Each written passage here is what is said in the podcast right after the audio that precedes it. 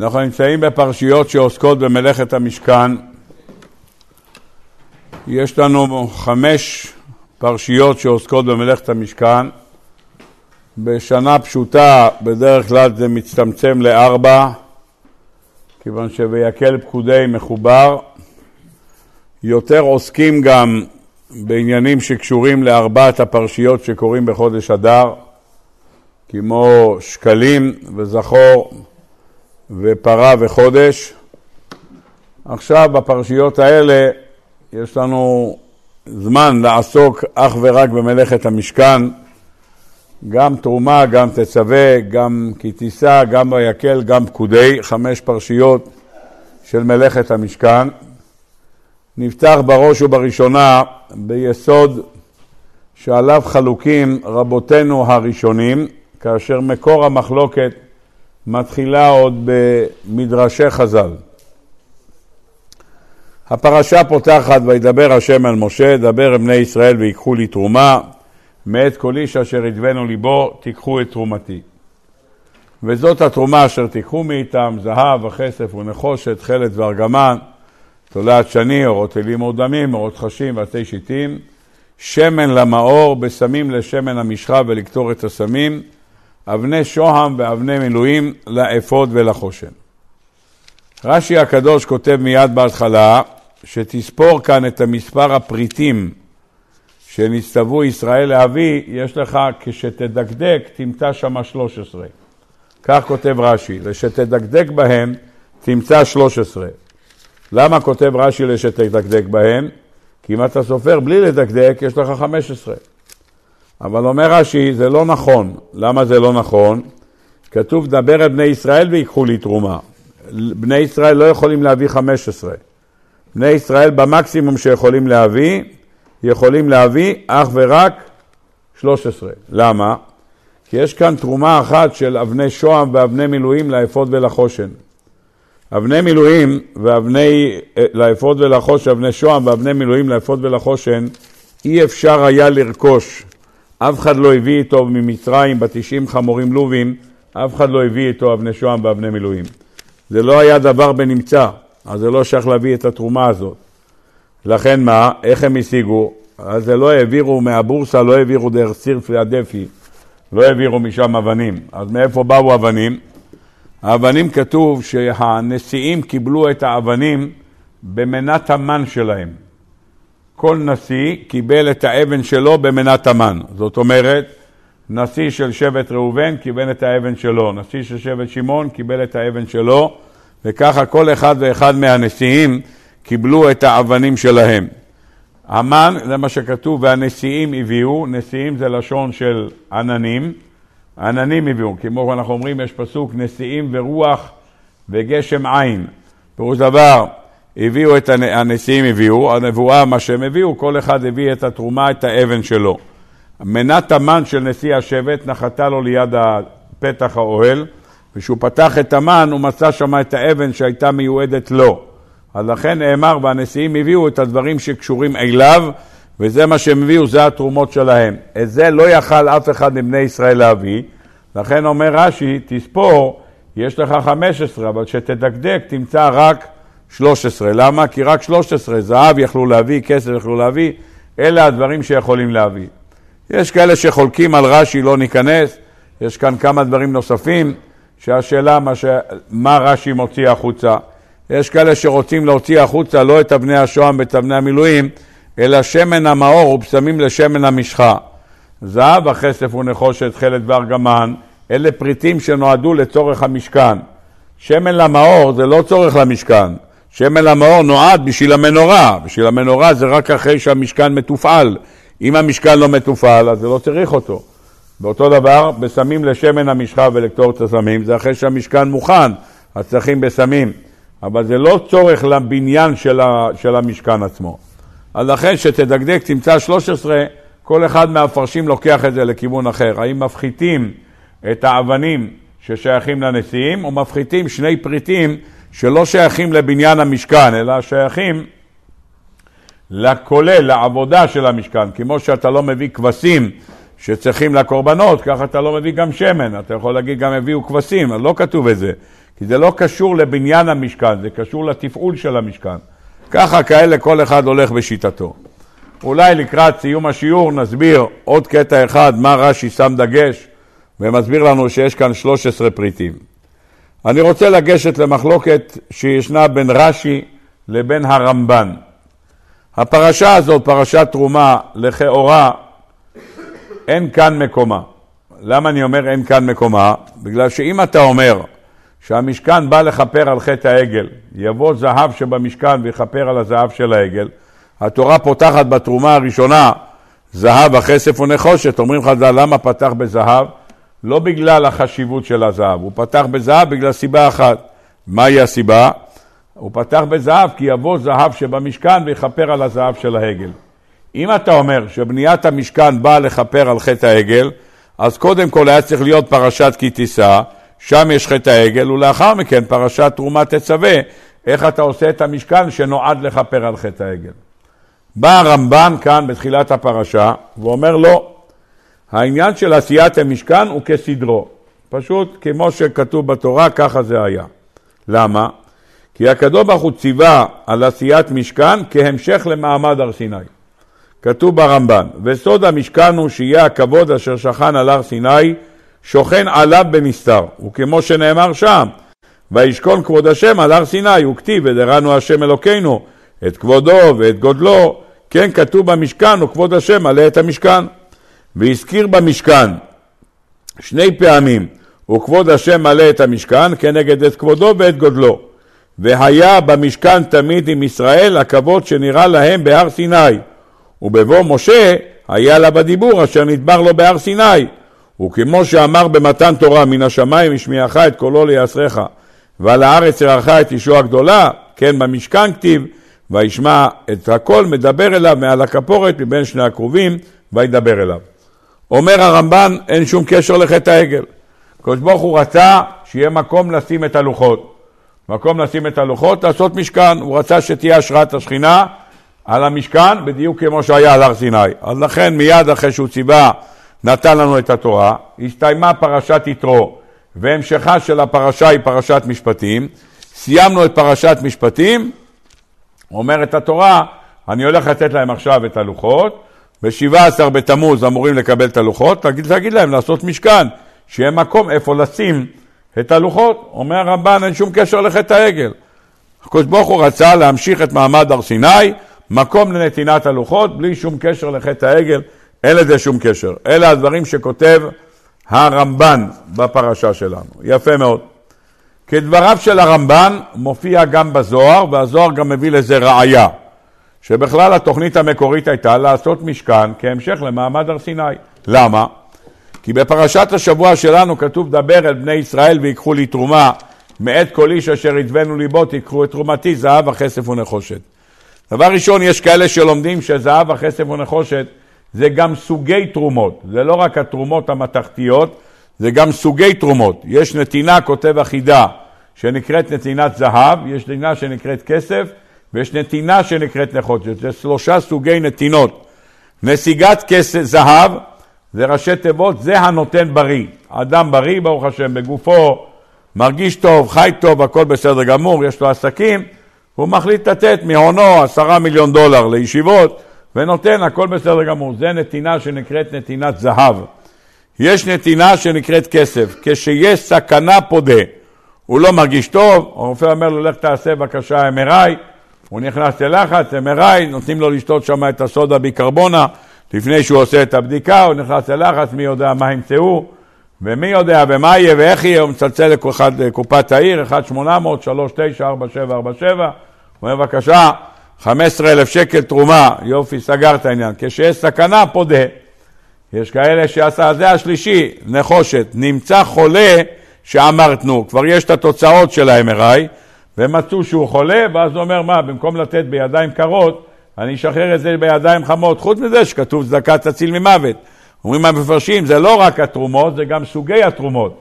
יש לך נתינת זהב, יש נתינת כסף ונתינת נחושת. אלה סוגי התרומות שהמפרשים מחלקים אותם בסייעתא דשמיא. טוב, בא הדור הקדוש, הוא אומר, תראה דבר יפה מאוד. בפרשת השבוע כתוב, דבר אל בני ישראל ויקחו לי תרומה מאת כל איש אשר יתבנו ליבו. מי זה כל איש? כל מי שרוצה לתת תרומה תיקח, כולל הערב רב. אם הערב רב ירצו לתת כסף למשכן, קח מאיתם, אומר הזוהר. בפרשת ויקל, כשמשה רבינו מוריד את ההוראה, מה כתוב? דבר אל כל עדת בני ישראל. אומרים חז"ל, אומר הזוהר, עדת בני ישראל ולא ערב רב. רק עדת בני ישראל הם לוקחים, ערב רב לא לוקח. פירוש הדבר, שהקדוש ברוך הוא הוציא את ערב רב מרשיבת התורמים. למה? לפי שהם עשו את העגל. היות והם עשו את העגל, אמר הקדוש ברוך הוא, אני לא רוצה שיהיה להם חלק במשכן הזה, לא רוצה שיהיה להם חלק. אם ככה יוצא, אומר הזוהר, שבעצם הציווי לעשיית המשכן הוא בא כתוצאה מחטא העגל. כי אם זה לא חטא העגל, אז גם הערב רב יכול לתת. למה הערב רב לא נותן? כיוון שעשו את העגל, והמשכן בא לכפר על חטא העגל. לא יכול להיות שהיצרן של זה יזכה לכפרה, לכן הוא אומר לדבר אל הדת בני ישראל ולא ערב רב. אלה הדברים שכותב הזוהר הקדוש. בספר שנקרא תנת ואליהו, בפרק י"ז, אומר התנת ואליהו, כיוון שאמרו ישראל נעשה ונשמע, באותו רגע שהם אמרו נעשה ונשמע, אמר הקדוש ברוך הוא ויקחו לי תרומה. יוצא רבותיי, שכל מה שהקדוש ברוך הוא ציווה ויקחו לי תרומה, בא כתוצאה ממה? כי עם ישראל אמר נעשה ונשמע, אין שום קשר לחטא העגל, כמו שאמרנו. הקדוש ברוך הוא אמר, אמרתם נעשה ונשמע, אתם כל כך קרובים אליי, קיבלתם את העול של קבלת עול תורה, אתן לכם מתנה, תעשו משכן, שם תהיה השראת השכינה, כמו שאומר הרמב"ן, שתהיה שם השראת השכינה תמיד, ויראו את השראת השכינה מלמעלה, והקדוש ברוך הוא רצה שימשיך מעמד הר סיני. בא מדרש רבה ומביא דבר נוסף, כותב במדרש רבה, נקודה נוספת.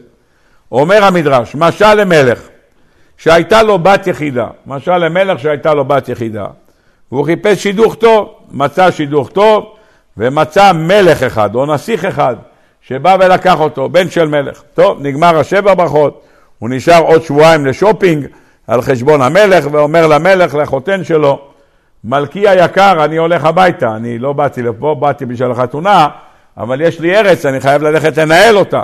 יפה מאוד. אמר לו המלך לפני הפרידה, בתי שנתתי לך יחידיתי, אין לי עוד ילד, זו הילדה היחידה שיש לי. לפרוש ממנה אינני יכול, קשה לי לעזוב אותה, אין לי יותר ילדים, לא יכול לפרוש ממנה.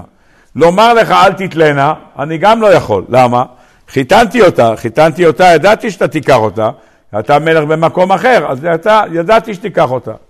לכן הוא אומר, טובה עשה לי, שכל מקום שאתה הולך, תעשה לי קיטון אחד שאדור אצלך, שאינני יכול להניח את ביתי. הוא אומר, יש לי בקשה, בכל מקום שאתה הולך, תעשה לי פינה אחת, שאני אוכל לגור שם. זאת הבקשה שהוא ביקש. יפה מאוד.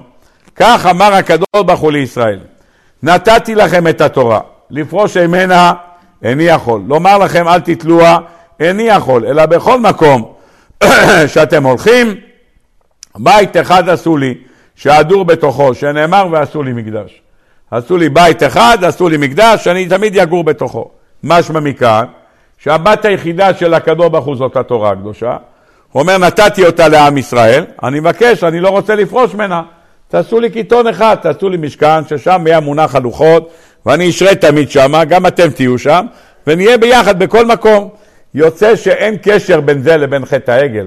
חטא העגל לא נמצא כאן, הקדוש ברוך הוא אמר, זה הבת היחידה שלי, התורה נקראת ביתו של הקדוש ברוך הוא, מבקש, תעשו לי פינה אחת שאני אגור בתוכה. עד כאן הדברים שאומר המדרש, דבר נפלא ביותר. השאלה שכולם שואלים, אמר הקדוש ברוך הוא, נתתי לכם לישראל, לישראל את התורה, תעשו לי משכן.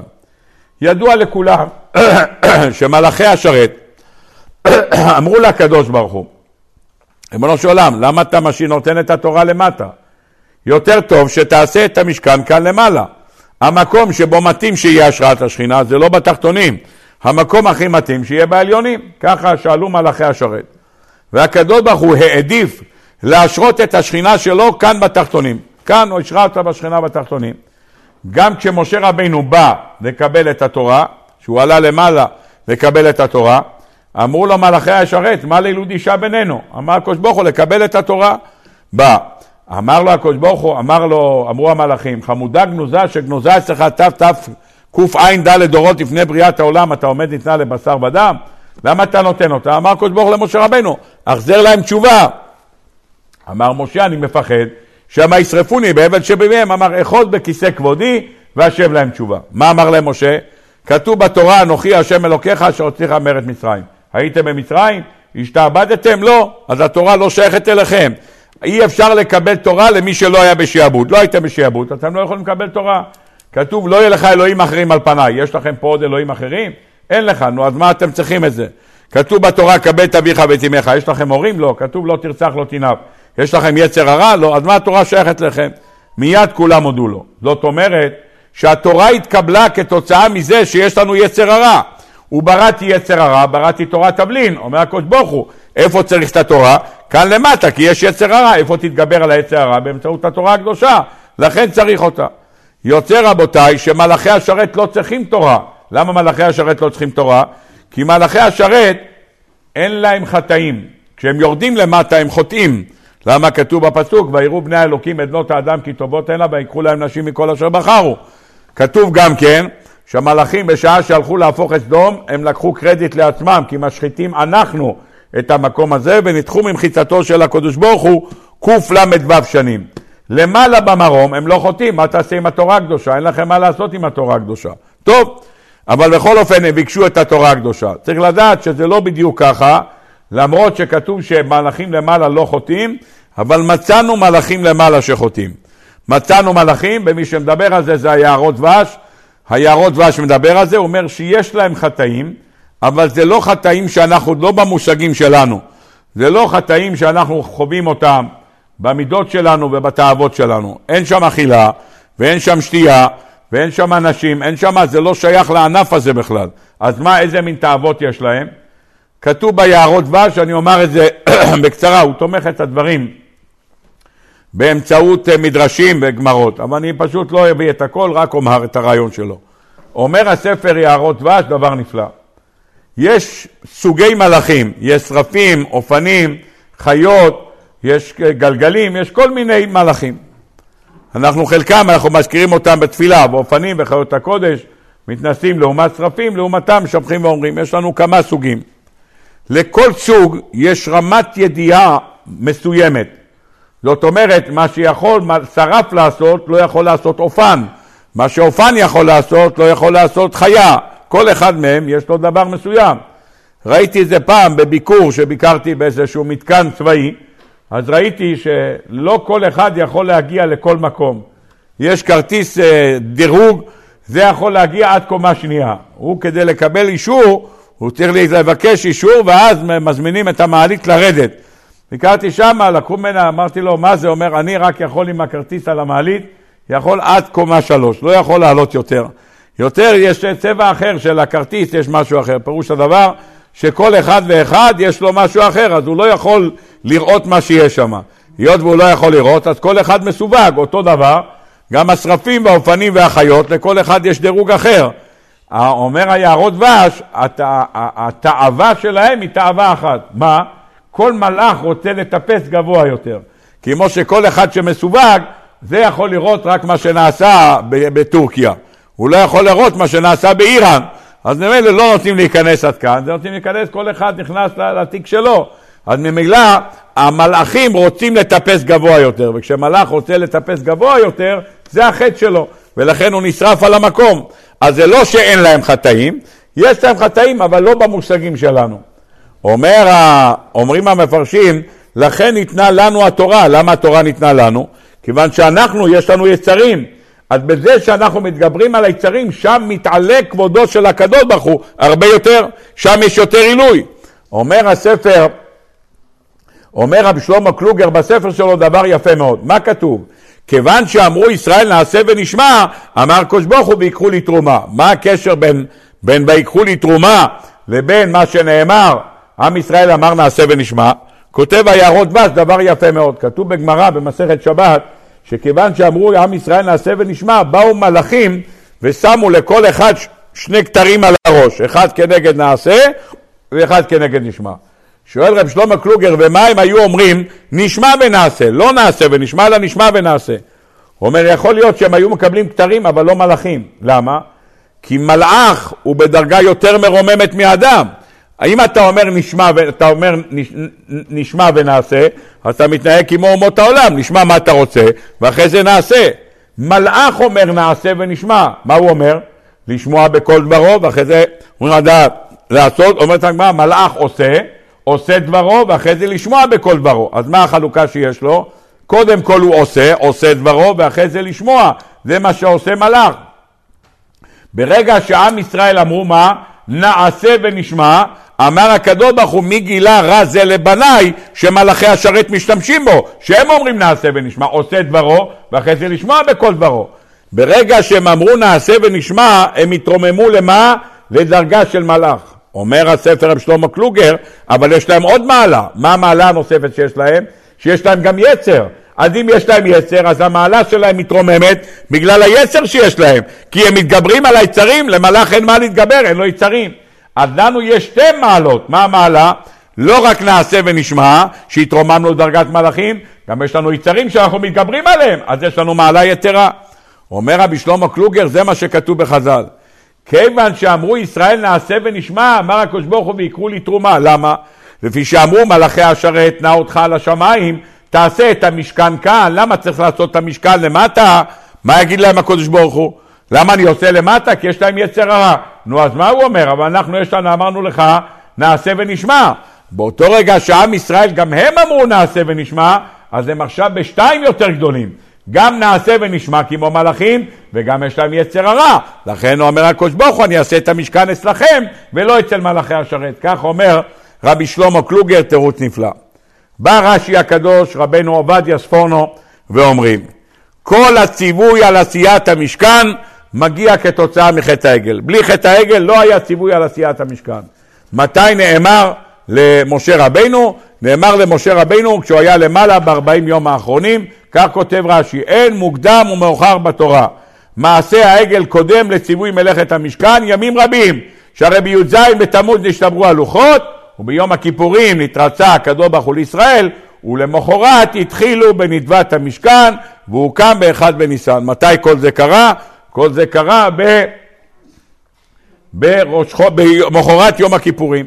פירוש דבר 17 בתמוז עשו את העגל, הציווי על עשיית המשכן, משה רבנו ירד ביום הכיפורים מהלוחות, למחרת יום הכיפורים הוא כינס את עם ישראל, זה מה שכתוב, ויקל משה את כל עדת ישראל, כותב רש"י, למחרת יום הכיפורים היה, הוא הקיל אותם וציווה אותם לעשות משכן, וציווה אותם להביא תרומות, זה היה ביום י"א בחודש תשרי.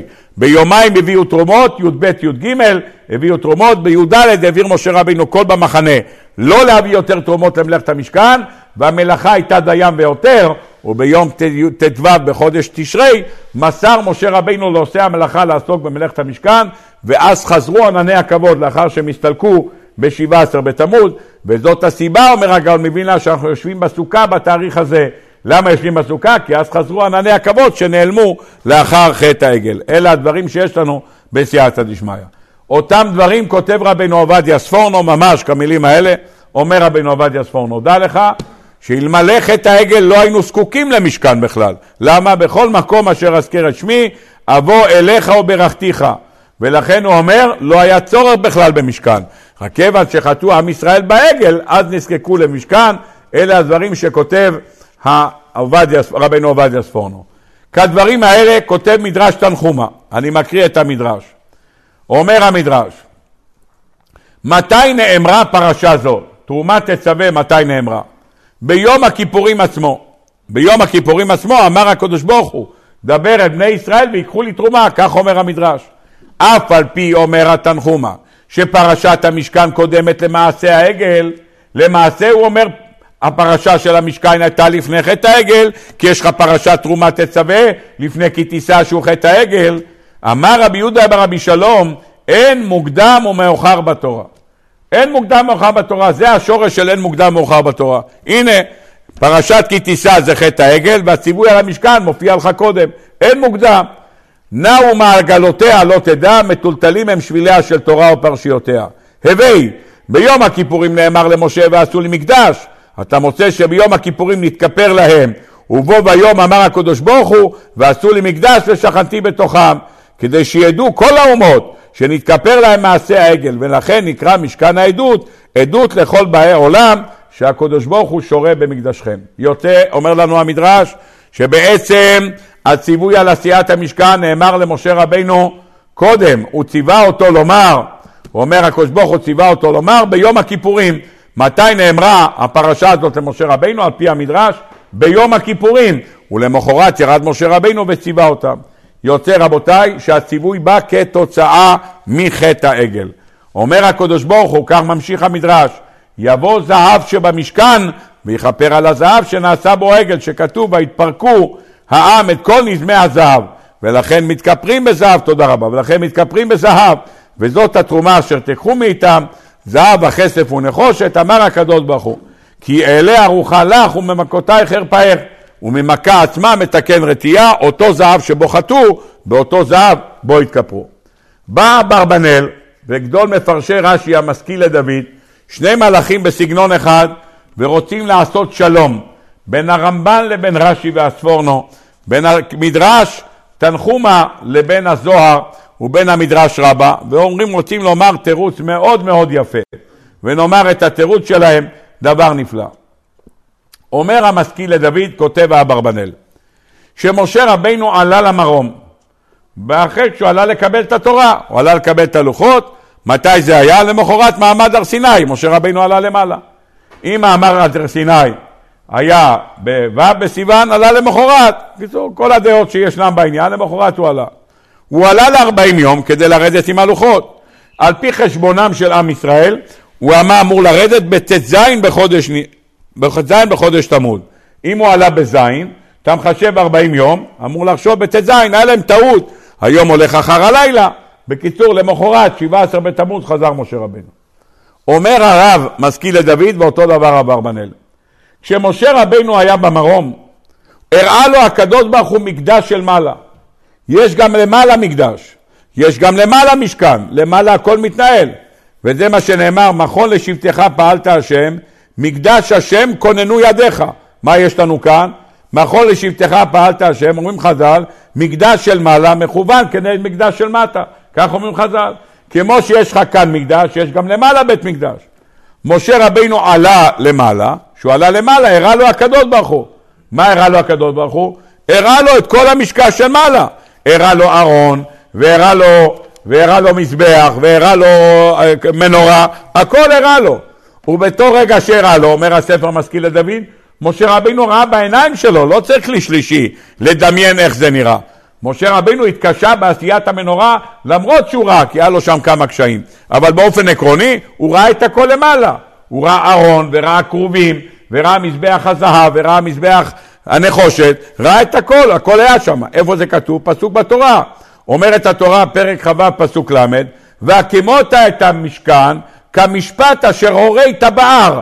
מה זה כמשפט אשר הורית ההר? היית למעלה, הראתי לך את המשכן, ראית אותו.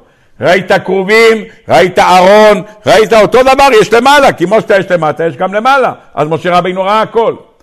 ממילא הוא אומר, כשהקדוש ברוך הוא בפעם הראשונה הראה לו משכן, הוא אמר לו, תעשה משכן למטה, וזאת התרומה שתיקחו מאיתם, זהב הכסף ונחושת. פרשת תרומה תצווה נאמרה למשה רבינו כשהוא היה בהר בפעם הראשונה. כשהוא עלה עדיין לא נשתברו הלוחות. וכמו שאומר הרמב"ן, שהמטרה שהקדוש ברוך הוא אמר לעשות משכן, מה המטרה? המטרה שלו היא אחת. למה? לשים שם את הלוחות. אז ממילא אומר לקדוש ברוך הוא, ראית פה משכן, גם למטה אתה עושה משכן, אותו דבר. רק מה, משה רבינו ירד ב-17 בתמוז ושבר את הלוחות. אם הוא שבר את הלוחות, אז אין כבר בשביל מה לעשות משכן. שהרי כל עשיית המשכן היא כדי לשים את הלוחות. אם אין לוחות, אין צורך במשכן. אם אין צורך במשכן, אז למה לבנות אותו?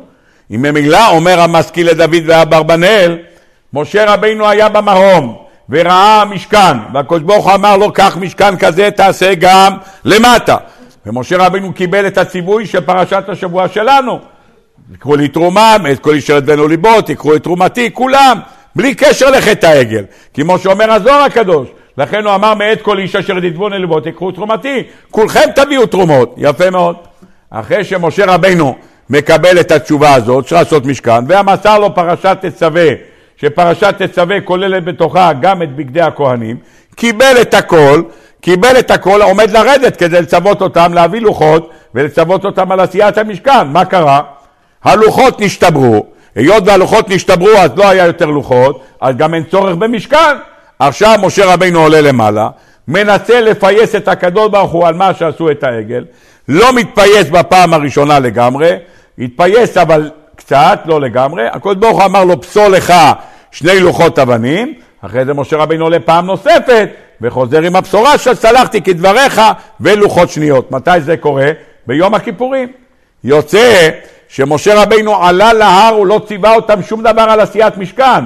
למה הוא לא ציווה אותם?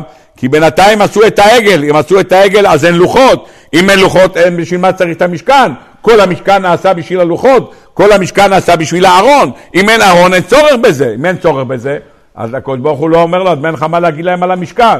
כשמשה רבינו בא עם הלוחות השניות, שהקדוש ברוך הוא אמר לו, פסול לך שני לוחות אבנים כראשונים, ומשה רבינו לוקח את הלוחות השניות, עכשיו כשיש לוחות שניות, עכשיו אפשר לצוות על עשיית משכן. לכן משה רבינו מקיל אותם, וידבר משה, מה הוא מקיל אותם? מקיל אותם להביא בבקשה ציווי מחודש, על מה? על עשיית המשכן. עד עכשיו זה נאמר רק למשה רבינו. משה רבינו קיבל את זה וידע מזה, אבל זה לא נאמר הלאה. מתי זה נאמר לעם ישראל? אחרי חטא העגל, אחרי יום הכיפורים, שמשה רבינו ירד עם הלוחות השניות ובישר לעם ישראל, סלחתי כדבריך, עכשיו אפשר לבשר להם על עשיית המשכן.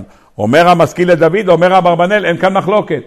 משה רבינו היה במרום, ראה משכן, וציווה אותה הקדוש ברוך הוא לעשות משכן, כמו שאומר הרמב"ן, שיהיה המשך למעמד הר סיני.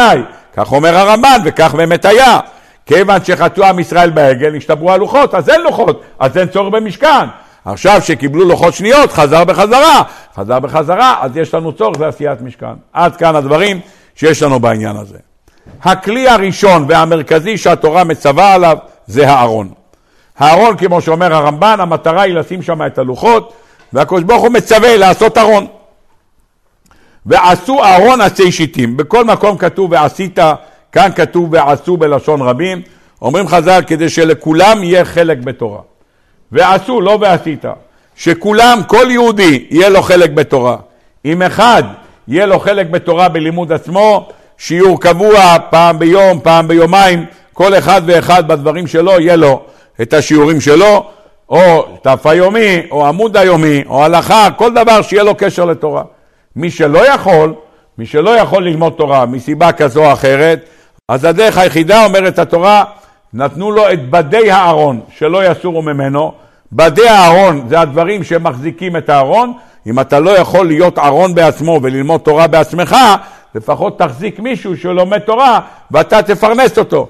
ולכן על בדי הארון נאמר לא יסורו ממנו. להראות לך שהתומך תורה נצמד אל הלומד תורה, בשונה מהמזבח שיש לו בדים אפשר להסיר אותם בחנייה, הארון תמיד נשאר עם הבדים, לא יסורו ממנו, הם צמודים, מחזיקי התורה, צמודים ללומדי התורה באופן ישיר. אלה הדברים שיש לנו. אני רוצה ברשותכם לעמוד לא על הארון עצמו, למרות שהארון עצמו הוא הדבר המרכזי שיש שם, והם הלוחות, אני רוצה לעמוד על החלק שנמצא מעל הארון. מעל הארון נמצא כפורת, ועל הכפורת יוצאים שני כרובים. אומרת התורה בפרשת השבוע שלנו, ונלמד את זה קצת בסייעתא דשמיא. אומרת התורה, בואו נקרא את הפסוקים בפנים. ועשית כפורת זהב טהור, המאתיים וחצי אורכה והמה וחצי רוחבה, ועשית שני כרובים זהב מקשה תעשה אותם משני קצות הכפורת. ועשה כרוב אחד מקצה מזה, וכרוב אחד מקצה מזה, מן הכפורת תעשו את הכרובים. אומר רש"י שלא תאמר שניים כרובים בכל צד, בכל קצה וקצה, לכך הוא צריך לפרש. תעשה שתיים כרובים. אז תחשוב אולי בצד אחד שתיים ועוד אחד שתיים, אומר לא, כרוב אחד מקצה מזה וכרוב אחד מקצה מזה. והיו הכרובים פורסי כנפיים למעלה, שוחחים בכנפיהם על הכפורת, ופניהם איש של אחיו. אל הכפורת יהיו פני הקרובים. ונתת את הכפורת על הארון מלמעלה, ולארון תיתן את העדות אשר אתן אליך. הפסוק הזה אומר רש"י, אני לא מבין מה זה בא לומר. מה שזה בא לומר, אני אסביר את רש"י, מה שאומרים כל המפרשים, אסור לסגור את הארון עד שאין שם לוחות. אם הלוחות לא נמצאים מסיבה כזו או אחרת, אין דבר כזה שאתה לוקח את הארון ומכסה אותו עם הכפורת. הכפורת פתוחה, לא מונחת על הארון, אך ורק אם הלוחות נמצאים בפנים.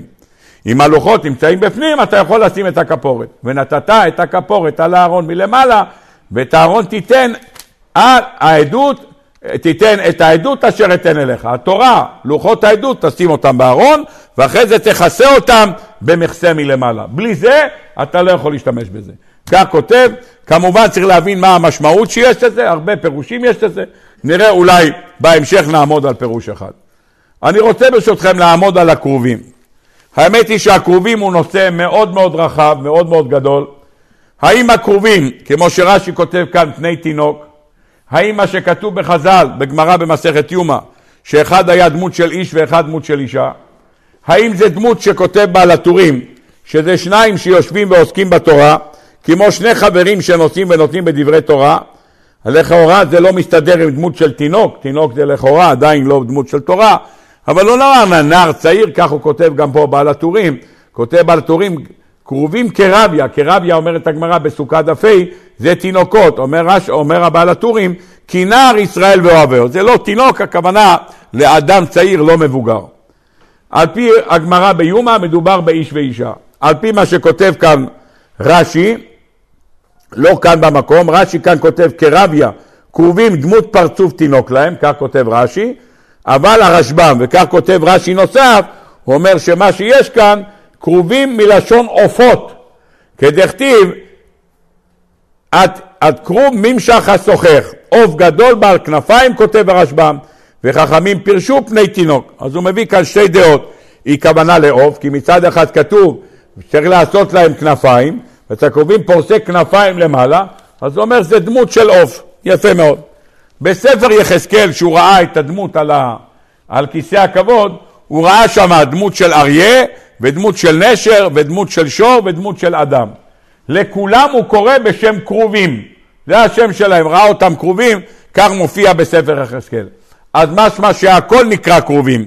לא רק פני תינוק ולא רק פני, המפרשים דנים בזה, מה נעשה אצל יחזקאל, מה זה הדמות הזאת של הכנפיים, הרבה הרבה חז"לים סביב העניין הזה. אני רק רוצה לעמוד על נקודה אחת בסייעתא דשמיא להיום, וללמוד רעיון נפלא סביב העניין הזה. בספר שנקרא שערי אורה, כותב השערי אורה, שמה שנצטווינו לשים, מה שנצטווינו לשים את הלוחות ורק אחרי זה לשים את הכפורת מלמעלה, הוא אומר יש בזה כמה וכמה רמזים, והשאלה מה הרמזים שיש לנו כאן, מה הרמזים שבאו לומר. כותב הספר שערי אורה, היות והלוחות הוא המרכז של התורה, משם מגיעה התורה, התורה מגיעה משם, וכותב לנו בעל הטורים שהקרובים נקראים כמו שניים שעוסקים בתורה, הוא אומר אין מצב שיעסקו בתורה אם זה לא מחובר אל הלוחות שנמצאים למטה. הכוח שלהם, הוא רוצה לומר את הבחינה הזאת יחד עם הנציב, שהם היו פניהם איש של אחיו, אבל הם כביכול מסתכלים אל התורה למטה, כביכול שניים שמעיינים בספר. ופניהם איש של אחיו, אבל מצד שני הם מסתכלים כלפי מטה אל הלוחות. לומר לך שכל הכוח שמגיע, אומר הספר שערי הוראה, הפלפול של התורה מגיע מזה שאתה לומד את התורה שנמצאת למטה. אלה הדברים שהוא אומר. לכן הוא אומר, אם אין לוחות, אל תשים את הכפורת. כי כל הכפורת, מה המהות שלה? היא באה לסמל את הקרובים שעוסקים בתורה. אם אין לך למטה את לוחות העדות, במה אתה עוסק בתורה? רק אם יש לך למטה את הלוחות, אתה עוסק בתורה למעלה, לכן אומרת התורה, אל תשים את הכרובים מלמעלה אם אין שם את הלוחות. אלה הדברים שאומר הספר שערי אורה, פירוש נפלא ביותר. ממילא, הוא אומר אם ככה נוכל להבין דבר נפלא. אומר הספר שערי אורה עוד לימוד אחד מאוד מאוד מעניין, הוא מביא לימוד שחז"ל לומדים על הפסוק הזה. אומרים חז"ל, בואו נקרא את הפסוק שחז"ל לומדים אותו בשיר השירים.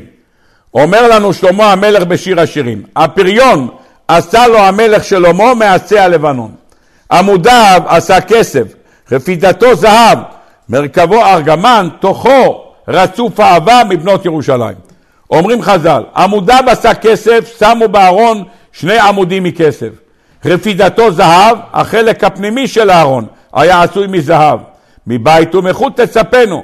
מרכבו ארגמן, זו הפרוכת, שבה היו מכסים את הארון בזמן שהיו נוסעים, תוכו רצוף אהבה מבנות ירושלים, פנים הארון היה מרוצף באהבה של כנסת ישראל אחד לשני, בין אדם לחברו. זה היה הפנימיות של אהרון בין אדם לחברו. אם ככה אומר הספר, שערי הוראה, תוכל להבין טוב מאוד. הקרובים שבאים למעלה זה רק אם הפנימי שלו תוכו רצוף אהבה מבנות ירושלים. אם יש אהבה מבנות ירושלים, אם יש אהבה בין אדם לחברו, יש טעם לעשות קרובים שפניהם איש של אחיו. אבל אם אין תוכו רצוף אהבה, אם הפנים שלו אין לך אהבה, אז אין טעם לקרובים. מכאן למדתי יסוד אחד, שהיסוד הוא שהקרובים מסמלים גם את האהבה שבאה מבן אדם לחברו, כי זה התוכו רצוף אהבה. אז יש לך תוכו רצוף אהבה ויש לך לוחות. לוחות זה בין אדם למקום, ויש לך צד אחד שהוא בין אדם לחברו. כי יש לנו חמש לוחות בין אדם למקום, חמש דיברות, וחמש דיברות בין אדם לחברו, זה צורת החלוקה. בא הספר אמרי חיים לאדמו"ר מוויז'ניץ, הוא אומר זה פשוט שזה ככה. הוא אומר ודאי ששני קרובים שיש לך, כרוב אחד מקצה מזה מדבר על בן אדם למקום, וכרוב אחד מקצה מזה מדבר על בן אדם לחברו, וזה החיבור שיש לך בין שניהם. כרוב אחד מקצה מזה וכרוב אחד מקצה מזה, כאשר אחד מדבר על תורה, אחד מדבר על בן אדם למקום, ואחד מדבר על בן אדם לחברו. נפלא ביותר. אני רוצה ללכת עוד שלב אחד, בעזרת השם, וללמוד כאן נקודה נוספת. רבותיי, אני אומר דבר, עדיין לא מצאתי את זה כתוב, לכן תקראו אותו בערבון מוגבל, אבל הוא כתוב, זה לא שהוא לא כתוב, רק הוא לא כתוב על זה. הוא כתוב על משהו אחר, אני לוקח אותו, מושג מושל, ואני רוצה להשתמש בו. רבותיי, שימו לב לדבר מעניין מאוד. ישנו ספר שנקרא בשם שרתי. שרתי זה שם הספר. הספר חיבר אותו יהודי ממונטריאל, אני לא זוכר אפילו את שמו, קרא לספר שרתי על שם אימא שלו. כביכול, שרה שלי. במקום לקרוא לזה אוהל שרה על שם אימא שלו, או שרה אימנו, אז הוא קרא לזה בשם מה שנקרא, שם יפה, נקרא שרתי. שרתי זאת אימא שלי, שרתי. יפה מאוד. ושם הוא מדבר בפרשת שבוע הבא, עוד שבועיים, פרשת כי תישא, אומרת התורה שהלוחות היו כתובים מזה ומזה הם כתובים. דהיינו ראו אותם משני צדדים, כך מדברת שם התורה בהרחבה גדולה. הוא מדבר שם על המושג הזה שנקרא בשם זה. מזה ומזה הם כתובים. למה זה נכנס או איפה זה נכנס הסוגיה? הסוגיה הזאת מתקשרת לנו משנכנס אדר מרבים בשמחה. מה יש לנו לשנח אדר מרבים בשמחה? בשעה שהתח חוזר בחזרה לאסתר המלכה, הוא אומר אל תשאלי, בעלך, הדוד שלך, איך שתקרא לזה, לא משנה מה, קרע את הבגדים ולבש שק.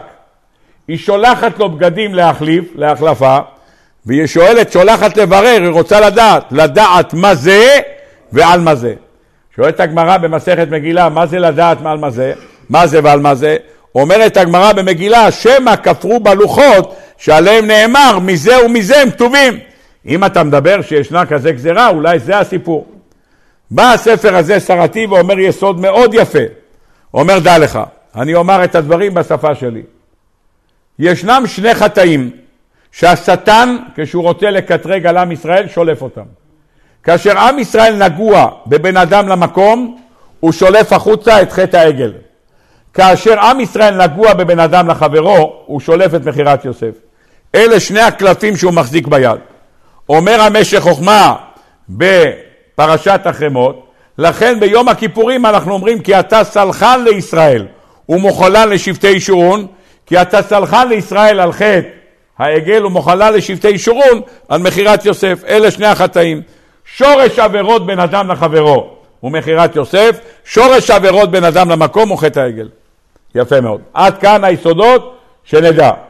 ולכן שני העוונות האלה לא נמחלו עד עצם היום הזה. אומרת הגמרא, מסכת סנהדרין, פרק חלק, ק"ו, אומרת הגמרא, אין לך משהו שאדם סובל כשאין בו משהו מחטא העגל.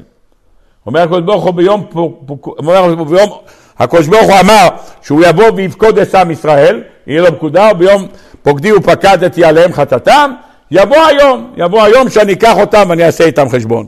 אין לך מרזל, פורענות שבאה על ישראל, שאין בה משהו מחטא העגל. יפה מאוד.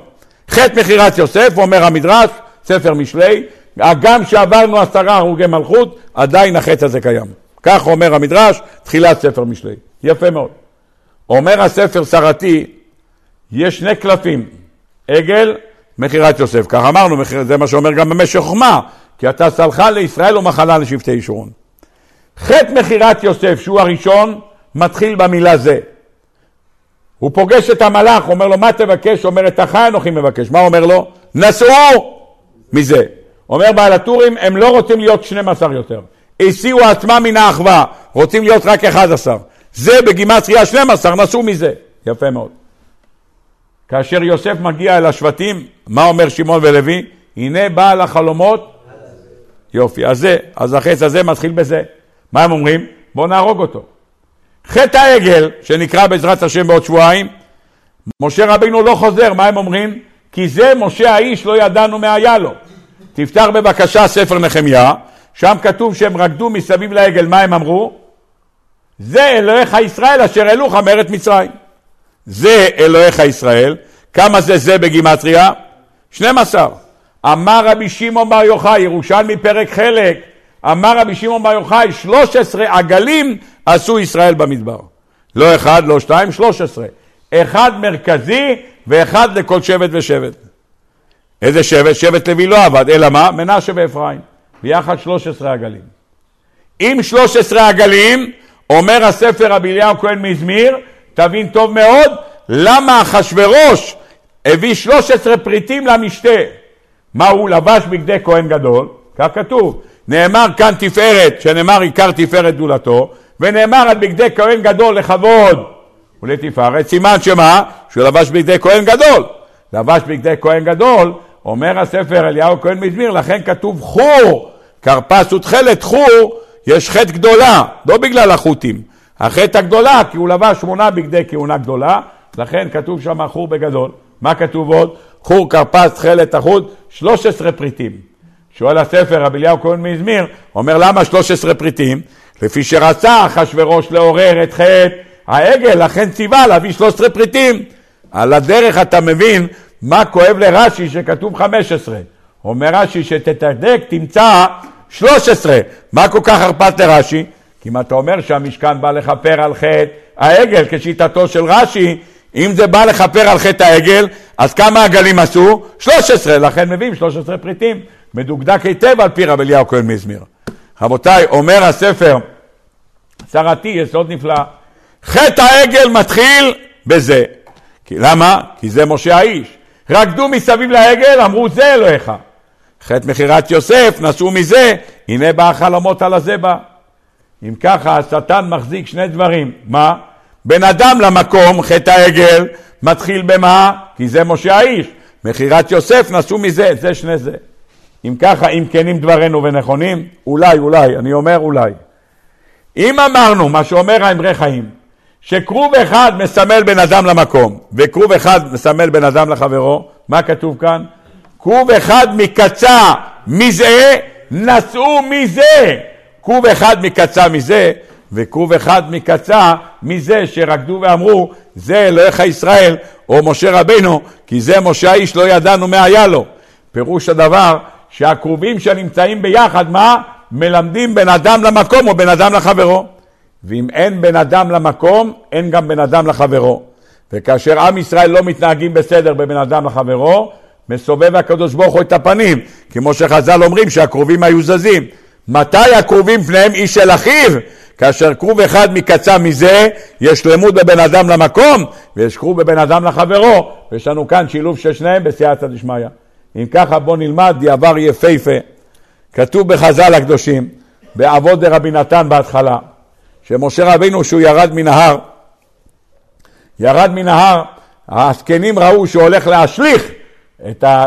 ניסו לתפוס את הלוח השני, ואמרו למשה רבינו, למה אתה שובר את זה? למה? עשו עגל, עברו על עגל, נו אז מה? עברו על אנוכי השם אלוקיך, ולא יהיו לך אלוהים אחרים על פניי. למה אתה שובר את הצד השני, שלא תרצח ולא תנאף? תשבור את הלוח לשתיים, תעשה ככה, תקפל אותו לשתיים, תשאיר לנו 87 אותיות, שלא תרצח ולא תנאף ולא תגנוב, תשבור את הלוח של בן אדם למקום, למה אתה שובר אותם? אמר להם משה רבינו, אין דבר כזה. אין דבר כזה. אם יש אחד, יש גם שני. אם אין אחד, אין גם שני. שניהם מחוברים, זה לוחות מצומדות. הלוחות האלה צמודות אחת לשנייה. אם אין לך אנוכי, גם אין לך לא תרצח. לכן כשעברו על אנוכי ועשו את העגל, מה קרה כתוצאה מזה? רצחו את חור, רצחו את השבעים זקנים, אז יש לך לא תרצח. חוץ מזה ויקומו לצחק, מה זה היה? גם אריות כתוב בחז"ל. אז אין לך אנוכי ואין לך לא יהיה, אז אין לך גם לא תנאף, אז הכל נמצא בתוכו. אם ככה יוצא שהלוחות האלה הם לוחות מצומדות. אומר הקדוש ברוך הוא, אתה עושה לוחות, צד אחד בן אדם למקום, צד אחד בן אדם לחברו, אבל פניהם צריכים להיות איש של אחיו. מה זה איש של אחיו? זה צריך להיות שלמות, לא רק שבן אדם למקום, אלא גם בן אדם לחברו. ועל פי זה יש לנו עוד פירוש. אומר הקדוש ברוך הוא, אל תשים לי את הקרובים למעלה אם אין שם תורה. למה? כי אחד יגיד לי, אני מושלם רק בבן אדם לחברו. אין דבר כזה. רק אם התורה נמצאת למטה. אם התורה נמצאת למטה, שאתה מחובר בבן אדם למקום, אתה מחובר בבן אדם לחברו, עם שני הדברים האלה ביחד, אז זה נקרא לוחות מצומדות. אז הקרובים יהיו פניהם איש של אחיו. זה היסוד הגדול שיש לנו. לכן מי שנכנס אדר, צריך לדעת שיש לנו שתי מצוות שהן בין אדם למקום, ושתי מצוות שהן בין אדם לחברו. בעזרת השם בא פורים. אז פורים עצמו הוא בחינת קרובים. למה? יש לנו קריאת מגילה, זה בין אדם למקום, קריאתה זו הילולה. יש לנו סעודת פורים, זה בין אדם למקום. אנחנו אומרים לקדוש ברוך הוא תודה רבה שהציל אותנו, ימי משתה ושמחה. יש לנו שתי מצוות שבין אדם לחברו, משלוח מנות ומתנות לאביונים. בפרשה שנכנסנו לחודש אדר, אחד מול השני, יש לנו שתיים בין אדם למקום ושתיים בין אדם לחברו. יהי רצון שיקוים בנו משנכנס אדר מרבים בשמחה, שיקוים בנו. כמו שאנחנו אומרים, ונהפוך הוא, כאשר ישלטו היהודים המה בשונאיהם, בעזרת השם, הקדוש ברוך הוא יעזור שנשלוט המה בשונאיהם, גם בדרום וגם בצפון, יסביר עמים תחתנו ולאומים תחת רגלינו, ונזכה בעזרת השם לראות השטה בביאת גואל צדק במהרה בימינו, אמן ואמן. רבי חנניה בן הקשה אומר, רצה הקדוש ברוך הוא לזכות ישראל